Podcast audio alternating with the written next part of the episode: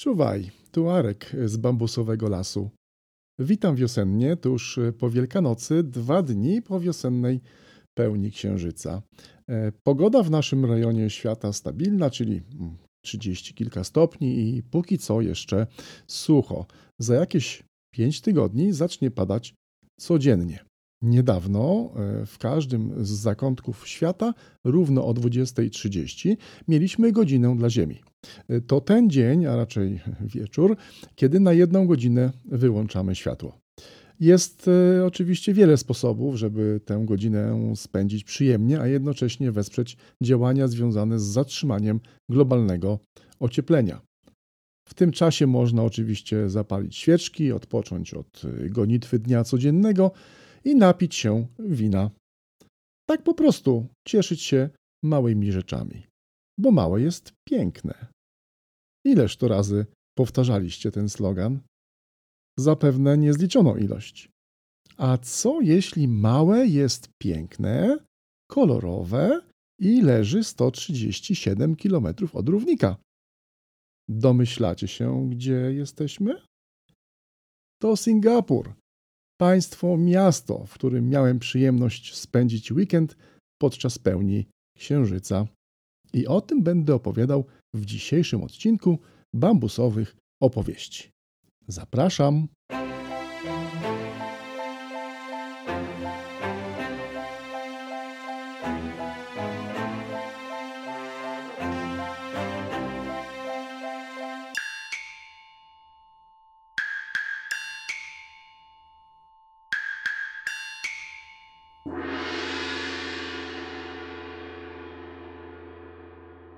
Jako, że Singapur położony jest w równikowej strefie klimatycznej, temperatury są stabilne przez cały rok i wahają się od 25 do 27 stopni Celsjusza. Oznacza to, że Singapur można odwiedzać o każdej porze roku. Tu zawsze spotkacie lato. E, mam też nadzieję, że linie lotnicze LOT wznowią połączenia do Singapuru. Miasto jest już otwarte dla turystów, podobnie jak wiele innych krajów w Azji Południowo-Wschodniej.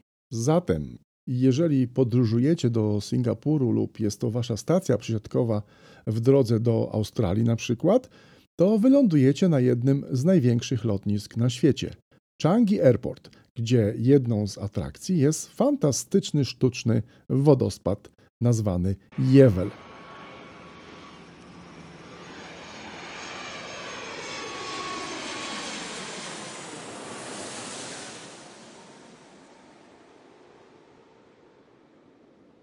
Zbudowany jest w budynku terminala i jest to swojego rodzaju miejsce odpoczynku podróżnych. E, zachęcam Was serdecznie do odwiedzin, bo jest na co popatrzeć.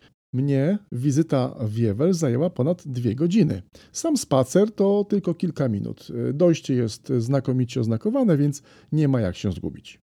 Widok opadającej wody z ogromnego leja zapiera dech w piersiach. Stałem tam chyba 40 minut, a woda opada z szumem, tworząc specyficzny mikroklimat oraz uspokaja. Jest to miejsce, gdzie mieści się mnóstwo restauracji, kafejek, więc można coś wypić, zjeść i odpocząć przed następnym lotem. Jewel można, a nawet trzeba, oglądać z kilku poziomów.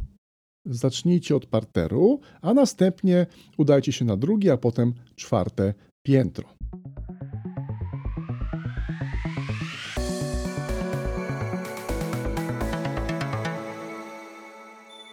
Jeśli Singapur jest Waszym celem podróży, to proponuję zacząć oczywiście od centrum. Z lotniska do wybranego, właśnie z reguły w centrum miasta hotelu, dowiezie Was singapurskie metro.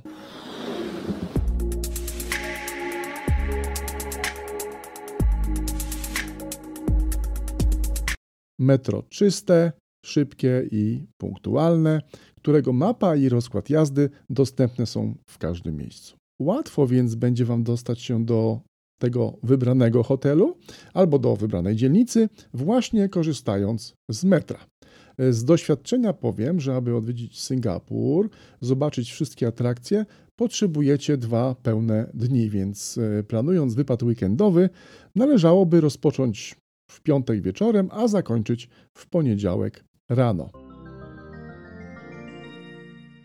Nie wiem dlaczego, ale pamiętam pierwsze wzmianki o Singapurze od znajomych, które mówiły, że to sztuczne miasto. Kiedy wylądowałem w Singapurze, dotarłem do hotelu, a następnie udałem się na spacer po mieście, już po kilkunastu minutach stwierdziłem, że jest to fantastyczne, przepiękne i zielone miasto. Miasto pełne parków. I o ile wiele atrakcji zlokalizowanych w Singapurze być może wygląda nieco futurystycznie, to nie powiedziałbym, że sztucznie.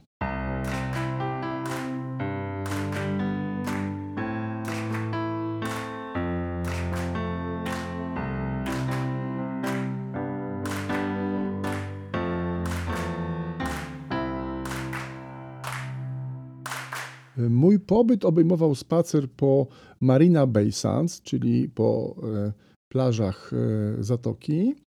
Do tego e, spacer po ogrodach nad zatoką, Gardens by the Bay i centralnej dzielnicy biznesowej. To właśnie tutaj zlokalizowany jest pomnik lwa, Merliona, będącego symbolem miasta.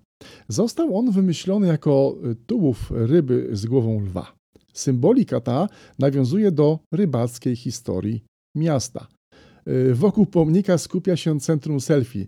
To tutaj tysiące turystów robi, myślę, miliony zdjęć każdego roku, uwieczniając się na tle tryskającej wodą głowy lwa. Mam i ja takie zdjęcie. Y, to także tutaj przebiega tor Formuły 1, a wieczorami odbywają się spektakle dźwięk i światło. To jeden z ciekawszych wieczornych pokazów fontan w Azji. Ponieważ trafiłem na pełnię księżyca w sam środek święta lampionów, to moje wrażenia z pobytu w Singapurze też są pełne kolorów.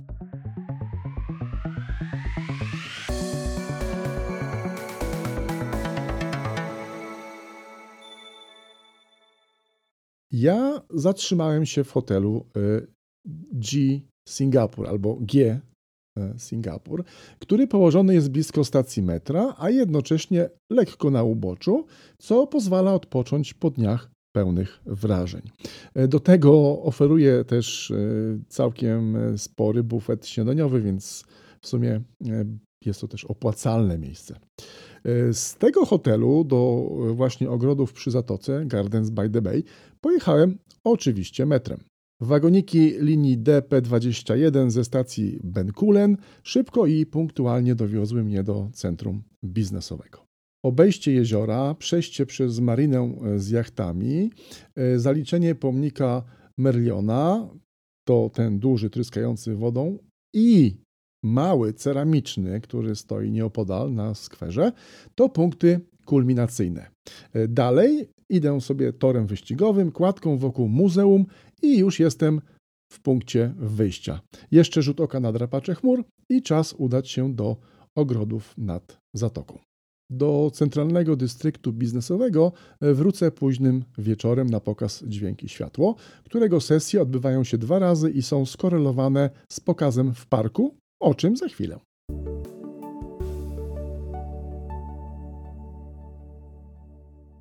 Ogrody nad zatoką stanowią same w sobie jedną z największych atrakcji turystycznych Singapuru, gdzie można, a nawet trzeba, zafundować sobie spacer pomiędzy super drzewami, podziwiając ich technologiczną i ekologiczną doskonałość. To prawdziwe, futurystyczne ogrody. E, zarówno ogrody, e, jak i samo centrum miasta leżą w sumie naprzeciwko siebie. Łatwo więc można dostać się z jednego miejsca do drugiego, a spacer pomiędzy nimi nie zajmie Wam więcej niż 15 e, minut. W sumie po drodze można jeszcze wstąpić do Art Science Museum. W tym miejscu można też zjeść kolację e, w oczekiwaniu na wieczorny pokaz tańca z fontannami, przynajmniej tak ja sobie to nazywam. Zanim udamy się na spacer, chciałbym opowiedzieć Wam krótką historię powstania Singapuru.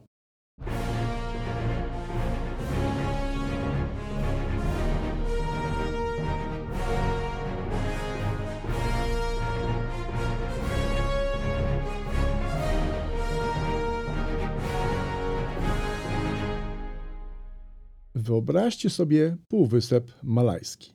to w jego południowo-wschodnim krańcu rozsianych jest ponad 60 wysepek, z których największa ma tylko 516 km2. Całość otacza rafa koralowa, a terytorium tego miasta państwa ma całkowitą powierzchnię 774 km2 na wczoraj. Kiedy zapytałem o powierzchnię Singapuru, odpowiedź brzmiała: Ostatnio to było 774 km2. Hmm, o co tu idzie? Pomyślałem, dlaczego ostatnio? Skąd to na wczoraj? Zagadka szybko się wyjaśniła. Powierzchnia Singapuru, podobnie jak pobliskiej Malezji, ulega zmianie na skutek powiększania dostępnego lądu poprzez nawożenie kamieni, piasku i tworzenie po prostu nowego sztucznego lądu. Dowiedziałem się też, że jednym z krytycznych zasobów naturalnych w Singapurze jest żwir budowlany. Niezwykła ekspansja w głąb morza oraz industrializacja wyspy, budowanie wieżowców i infrastruktury pochłania olbrzymie ilości żwiru i cementu, a tego akurat nie ma na wyspach. E, wszystko więc muszą importować. E, żwirek budowlany akurat z pobliskiej Indonezji, czasem z Wietnamu oraz Filipin. Dlaczego? Okazuje się, że Malezja nie chce sprzedawać żwiru, jako że sama nie ma go za wiele, a też powiększa swoją powierzchnię kosztem morza, budując sztuczny ląd. Co czyni tę sytuację szczególnie interesującą, to fakt, że przecież Malezja i Singapur stanowiły kiedyś wspólnotę. Singapur w 1963 roku przystąpił do Federacji Malezji, ale dwa lata później został z niej po prostu wyrzucony stosunkiem głosów w parlamencie 126 za i 0 przeciw. Z perspektywy czasu chyba jednak wyszło to Singapurowi na lepsze.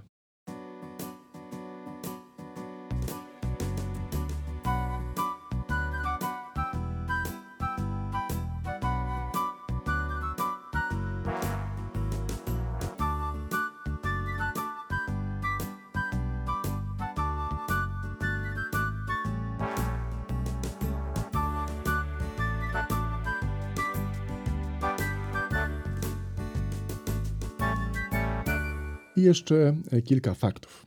Singapur, a w zasadzie Republika Singapuru, jest niezależnym państwem leżącym na krańcu wspomnianego Półwyspu Malajskiego w Azji Południowo-Wschodniej.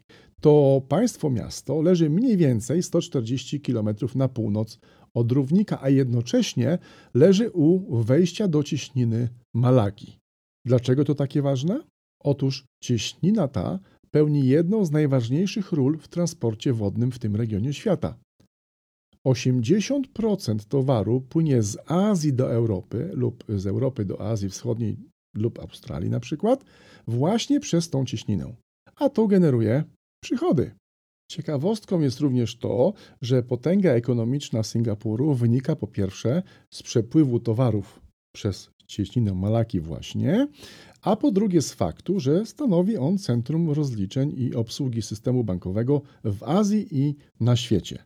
A przy okazji jest też najważniejszym państwem budującym strukturę Unii Krajów Południowo-Wschodniej Azji, czyli w skrócie ASEAN. Singapur nie jest zbyt duży jak na standardy azjatyckie. Wystarczy powiedzieć, że składa się on z 63 wysp i wysepek satelitarnych do głównej wyspy zwanej Pulau Ujong, której nazwa e, z malajskiego tłumaczy się Wyspa na krańcu. Y, zamieszkuje ten teren prawie 6 milionów mieszkańców, z czego 3,5 miliona stanowią rodowici Singapurczycy. Powierzchnia tego miasta rozrosła się w ostatnich kilkunastu latach o mniej więcej 25% właśnie za sprawą budowania sztucznej powierzchni lądu. Jest to sposób, który, jak już mówiłem, praktykuje równolegle Malezja, rozbudowując swoje terytorium, usypując żwir i głasy w głąb morza. Dzięki temu zyskują kolejne hektary potrzebne do zabudowy mieszkaniowej i przemysłowej. E, ciekawe, kiedy nastąpi połączenie tych sztucznych nabrzeży. Hmm. W każdym razie, będąc e, w Malatce dwa albo trzy razy, e, zauważyłem zmianę. To znaczy, będąc pierwszy raz, jadąc ulicą nadbrzeżną, praktycznie plaża była na wyciągnięcie ręki. Kiedy odwiedziłem Malakę trzy lata później, no to już wzdłuż tej ulicy stały e, budynki a plaża była o jakieś 200 metrów, czy może 300 metrów dalej.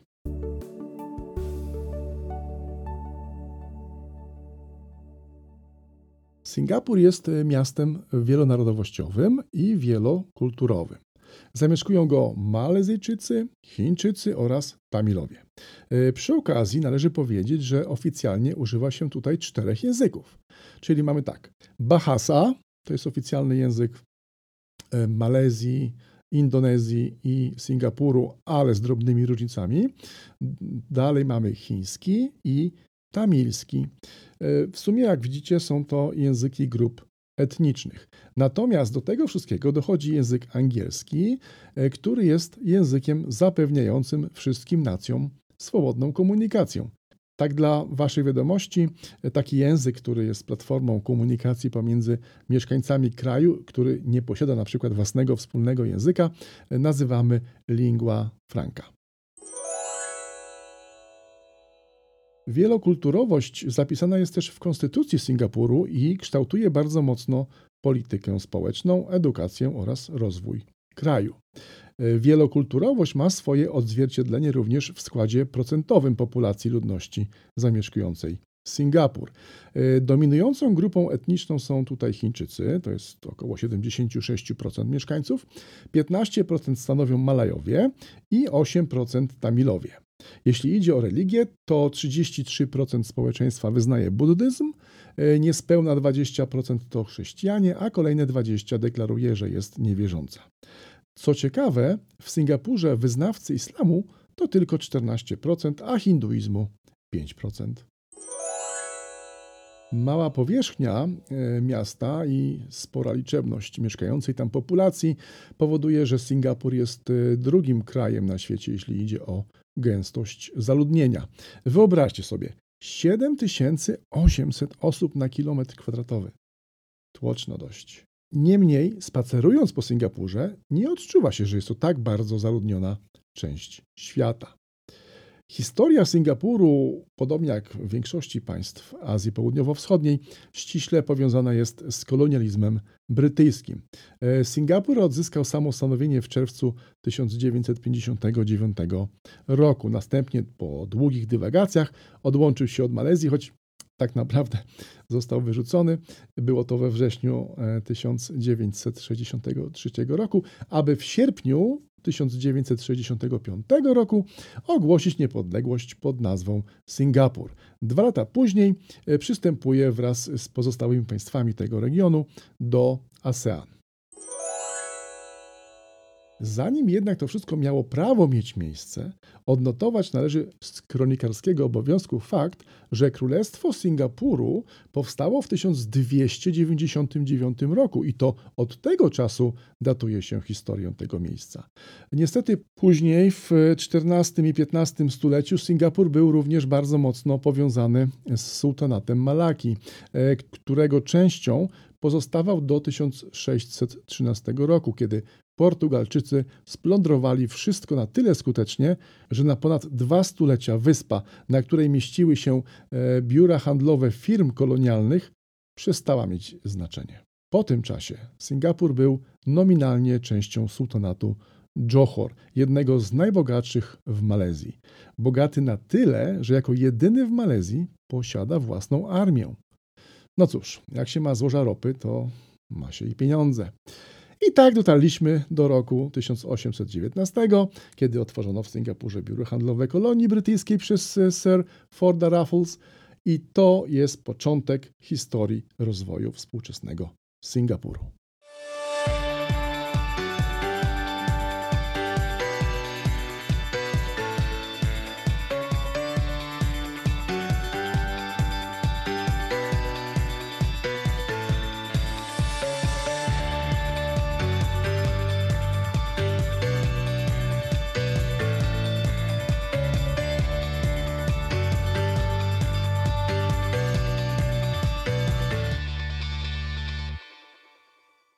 My tu gadu gadu historii, ale nie zapominajmy o ogrodach. Ogrody nad zatoką, gdzie można, a nawet trzeba zafundować sobie spacer pomiędzy drzewami, to jak już wspomniałem, dzieło sztuki ekologicznej, takie prawdziwe ogrody przyszłości. Y, całość rozpostarta jest na 101 hektarach i to właśnie w tych ogrodach spotykamy nieprawdopodobne drzewa przyszłości. Wysokie na 25 do 50 metrów, zbudowane z betonu i metalu. Jedno drzewo waży kilkaset ton, a tysiące metalowych prętów tworzy sztuczne gałęzie i konary.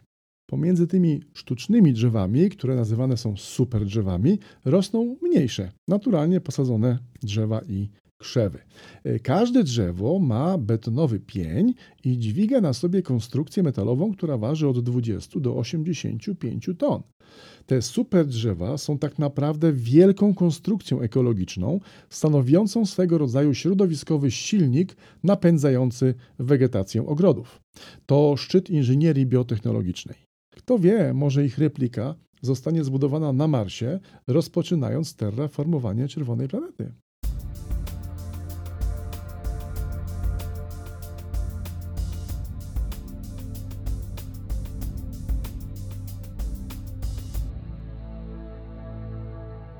Wysokie na 50 metrów konstrukcje, pokryte pnącą się roślinnością, wyglądające jak drzewa, to nie tylko dekoracja.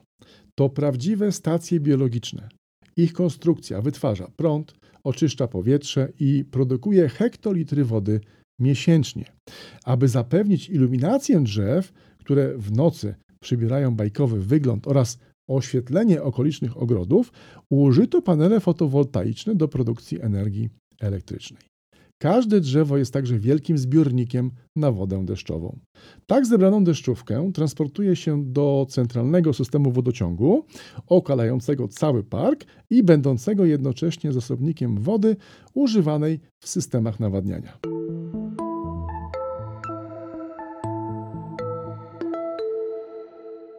Drzewa połączone są przepiękną kładką wiszącą na wysokości około 22 metrów, a którą można się przespacerować i podziwiać ogrody z wysokości. Na kładkę e, wjeżdża się windą ukrytą e, w pniu drzewa i kiedy wychodzi się z windy, cóż za panorama.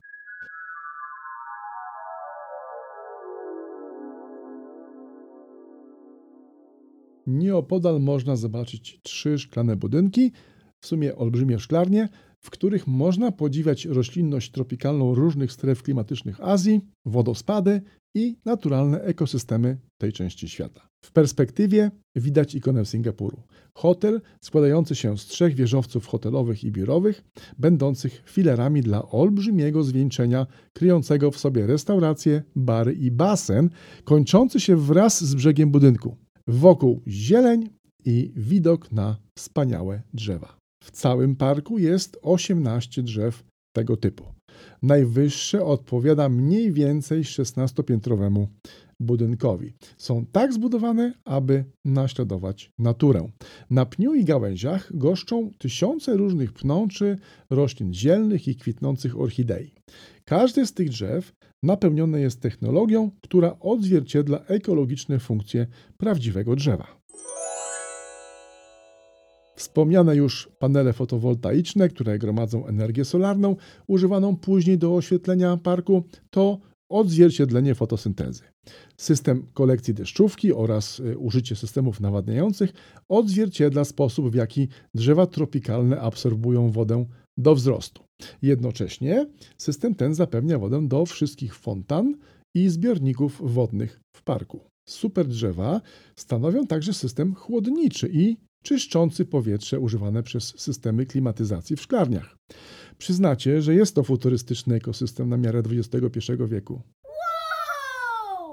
W ciągu dnia drzewa te zapewniają cień spacerowiczom w parku. W nocy zaś rozświetlone są tysiącami lampek, które używane są do pokazu światło i dźwięk.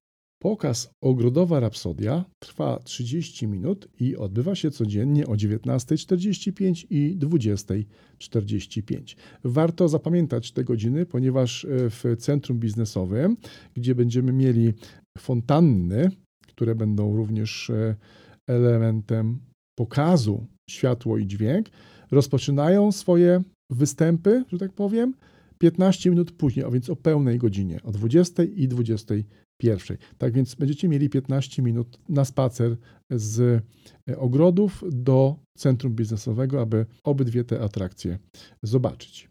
Jeśli mogę coś e, poradzić, to warto zasiąść na pobliskiej łączce, nieco e, z dala od drzew. Dopiero wtedy widać piękno całej tej kompozycji podczas pokazu.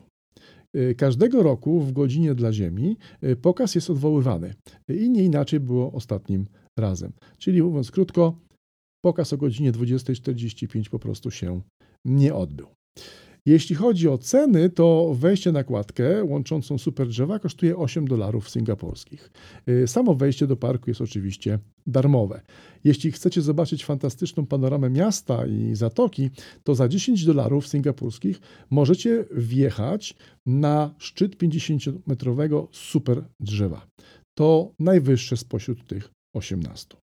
Spacerując po parku, mijam e, widziane składki, olbrzymie konstrukcje szklarni kryjących w sobie fantastyczne kolekcje roślin oraz imitacje 30-metrowych wodospadów.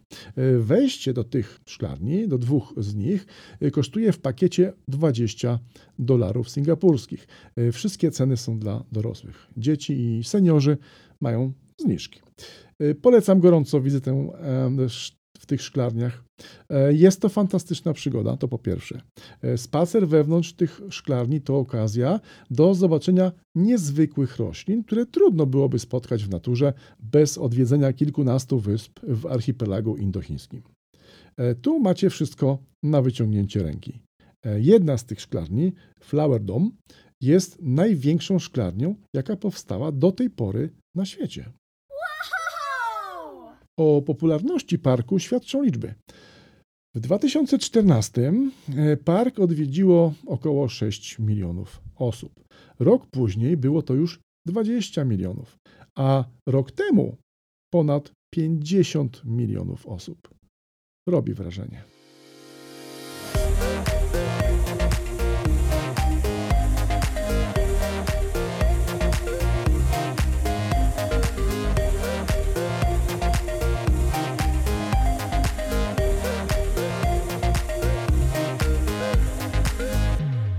Zostańmy jednak w parku do zmroku.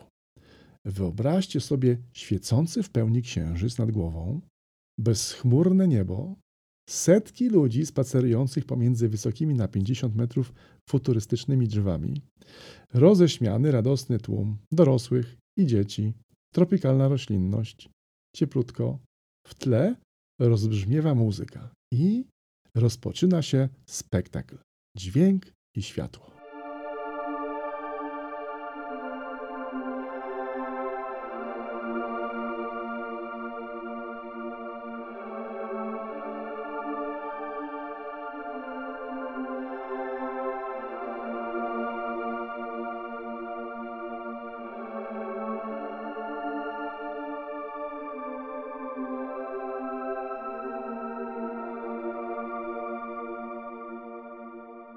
Te futurystyczne drzewa rozświetlają się przepięknymi kolorami i w takt muzyki dają widzom niezapomniany spektakl. E, trwa to ponad 30 minut i na długo pozostaje w pamięci. Nastrój radości i tajemniczości udziela się wszystkim obecnym w tym miejscu. Wieczorne spacery po Singapurze to czas pełen wrażeń. Całe ogrody udekorowane są artystycznymi instalacjami plenerowymi. Połączenie sztuki i kultury. Przepiękne iluminacje, czystość i naturalna zieleń. To miasto trochę jak z bajki. Ale za to jakiej bajki? Bajki XXI wieku. Zaraz po pokazie przemieszczam się do centrum na pokaz fontan w ramach widowiska Dźwięk i Światło. To również 30-minutowe przedstawienie z drapaczami chmur w tle i tu kończę drugi dzień pobytu w Singapurze. Zapraszam też na bloga, gdzie możecie zobaczyć galerię zdjęć. Jeśli wędrujecie po Azji z dziećmi, to wyspa Santosa, która jest e, centrum rozrywki w Singapurze, powinna być kluczowym punktem w planie zwiedzania. Znajdziecie tam Universal Studios, park wodny Adventure Cove Park i Muzeum Trików. Y, Koniecznie też odwiedźcie e, największe na świecie akwarium, czyli Southeast Asia Aquarium. Idealnie czyste szyby, krystaliczna woda i moc atrakcji. Na pewno nie będziecie się tam nudzić. Y, Ten wypad na wyspę Santosa e, zajmie Wam cały dzień.